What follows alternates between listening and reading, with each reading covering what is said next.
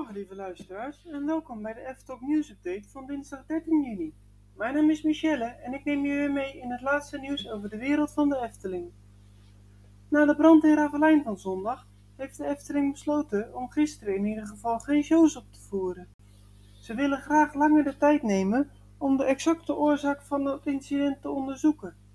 Bovendien is een deel van de showinstallatie kapot gegaan, waardoor niet alles meer werkt.